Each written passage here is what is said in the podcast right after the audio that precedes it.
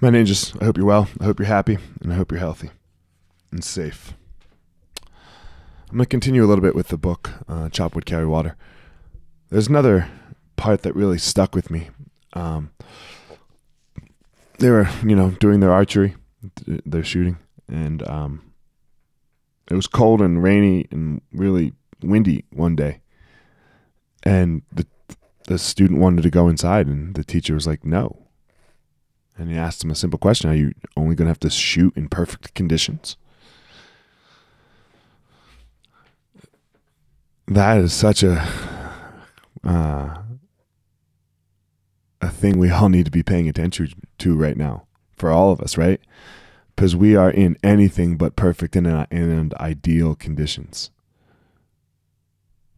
We we are in the worst conditions that for us in America as a collective whole that we've ever seen. So, can you only do what's right in those in, in when it's perfect? Can you only open, you know, leaning back to Tuesday?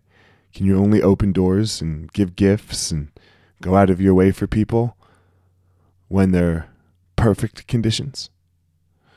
And I understand, you know, we we all have a little less money right now probably. So yeah, maybe maybe the gift isn't there. That that that's okay.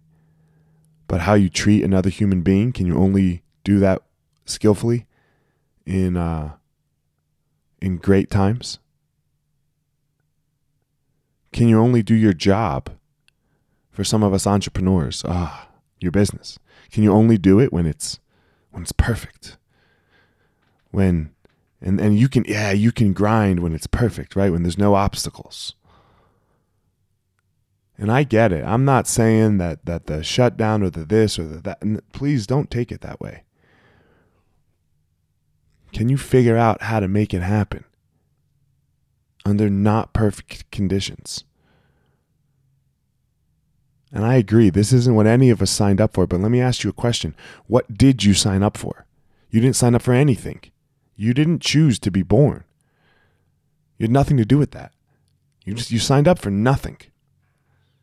You came into this world. You came into this existence.